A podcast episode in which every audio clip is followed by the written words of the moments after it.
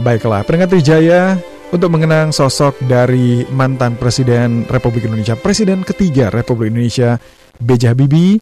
Pagi ini sudah bergabung sama kami salah satu tokoh bangsa juga. Ada Pak Jimli Asyidiki. Pak Jimli, selamat pagi Pak. Pagi. Ya, kabar. Kami baik. Bagaimana kabarnya Pak Jimli? Ya, alhamdulillah kita ber, berduka ya. Iya. Uh, semua anak bangsa berduka. Kita kehilangan tokoh uh, penting dalam sejarah Republik kita. Kita doakan husnul khotimah. Amin. Ya, mudah-mudahan karena beliau uh, menghembuskan napas terakhir persis sesudah azan maghrib jam 6.03 itu tanda-tanda itu husnul khotimah insya Allah. Hmm. Pak Jimli, bagaimana mengenal Pak B.J. Habibie?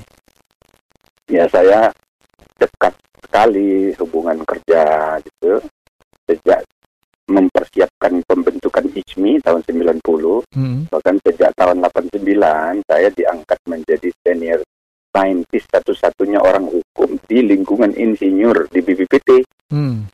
Nah, jadi saya memang sudah lama sekali bergaul dengan beliau dan bahkan uh, dalam setiap proses eh, detik-detik uh, yang menentukan sejarah hidup beliau sebagai tokoh bangsa, terutama ketika dia menjadi presiden, itu di buku beliau detik-detik yang menentukan itu banyak sekali menyebut nama saya itu. Hmm. Nah, karena momen-momen tertentu ketika misalnya Pak Harto mengundurkan diri tanggal 20 Mei, yeah. malam hari itu 19 malam saya dengan Pak Habibie. Nah, gitu. Jadi begitu dia minta waktu ke Presiden Soeharto untuk bertemu, hmm. ada jawaban dari Pak Harto lewat keadilan Mursid, Tesnek waktu hmm. itu, hmm. tidak usah ketemu. Pak Harto sudah memutuskan akan berhenti besok Oh, dan okay. Pak Habibie meneruskan. Nah, begitu. Nah, saya lagi ada di situ sehingga tamu-tamu yang lain, uh, uh, para menteri yang lagi kumpul, ya kan, langsung berdoa dan saya yang mimpin doanya. Hmm. ya itu kan, nah, itu misalnya. Lalu waktu dia ditolak pertanggungjawaban oleh MPR hmm. jam 12 malam, nah itu saya sama Pak Habibie, saya mendampingi beliau menonton TV. Hmm. Nah itu jadi momen-momen tertentu banyak sekali di, diceritakan sendiri oleh beliau di buku itu maka uh, saya merasa ya seperti halnya teman-teman yang lain warga bangsa pada umumnya bahkan sebetulnya bukan hanya kita ya hmm. dunia merasa kehilangan dengan Pak Habibie perannya di dunia ilmu misalnya crackdown theory yeah. itu dipakai seluruh dunia bahkan di dunia Islam Pak Habibie itu jadi simbol itu loh hmm. kemajuan iptek dunia Islam yeah. karena tidak ada orang yang bisa bikin pesawat hmm. nah, ternyata ada satu uh, orang Indonesia bernama Habibie bisa hmm. bikin pesawat nah yeah. ilmu tentang pesawat kan tinggi sekali di di mata dunia Islam gitu loh ya kan nah maka dia itu jadi simbol ilmu di dunia Islam hmm. nah jadi yang kehilangan ini bukan hanya kita ini seluruh Semua, dunia. seluruh dunia nah, Pak maka, Jimli ya. Maka kita doakan husnul khotimah, yeah. kita ambil pelajaran sebanyak-banyaknya dari almarhum yang baik-baik kita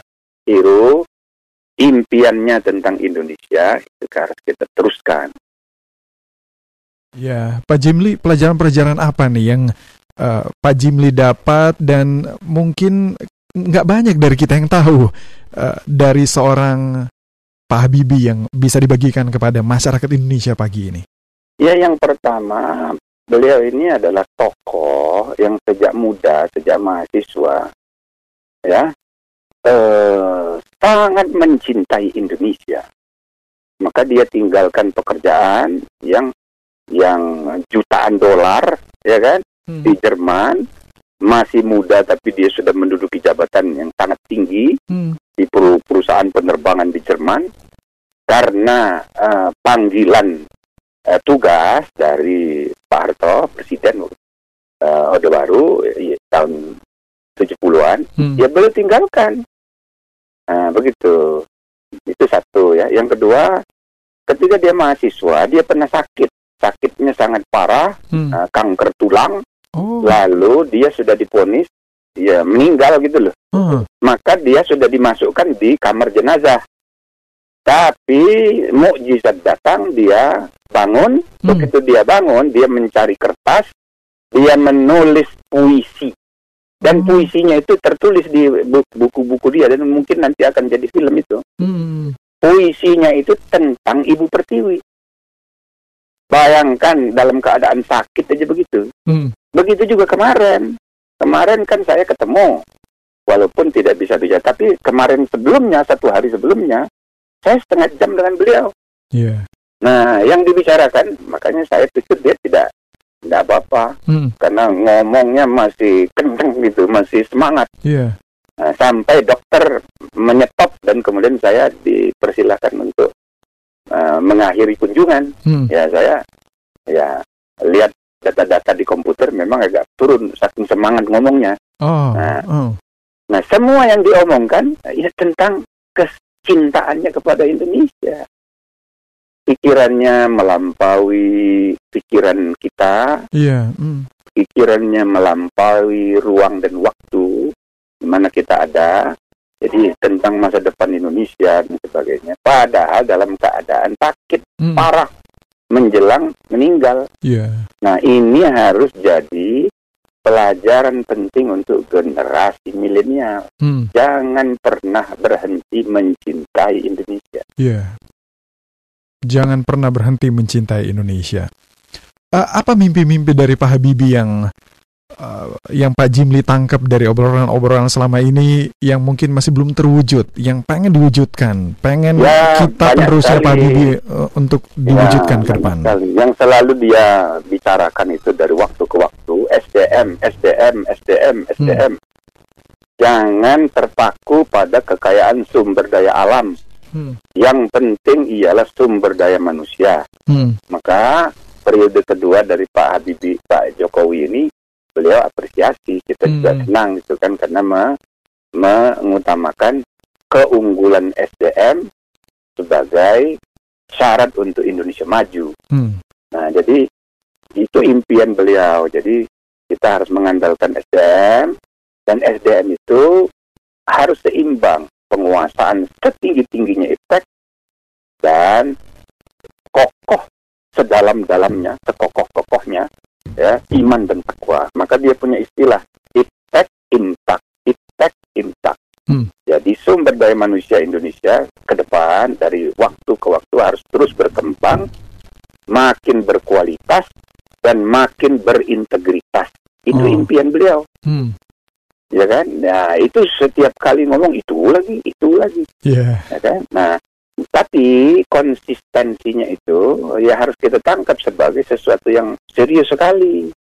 Bahwa Indonesia ini kalau mau maju ke tingkat peradaban dunia sesuai dengan jumlah penduduknya, sesuai dengan kuantitas kekayaan sumber daya alamnya, maka kunci ke depan ialah kualitas sumber daya manusia.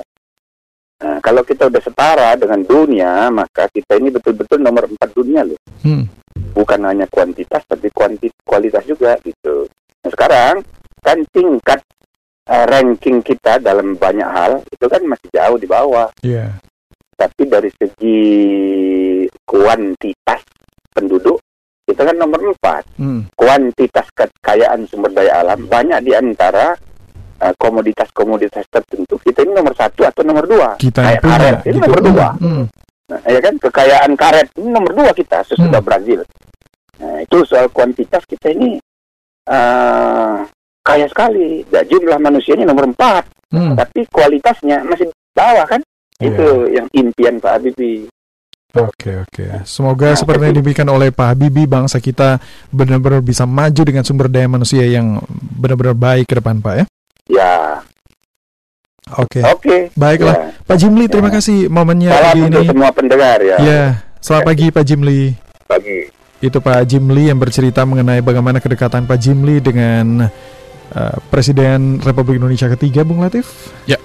Pak B.J. Habibie di masa-masa waktu tahun 98 waktu itu. 98 ya. Hmm. Di awal-awal eh, di akhir Pak uh, Harto dan hmm. di awal Pak Habibie menjadi Presiden Republik Indonesia yang ketiga. Oke. Okay.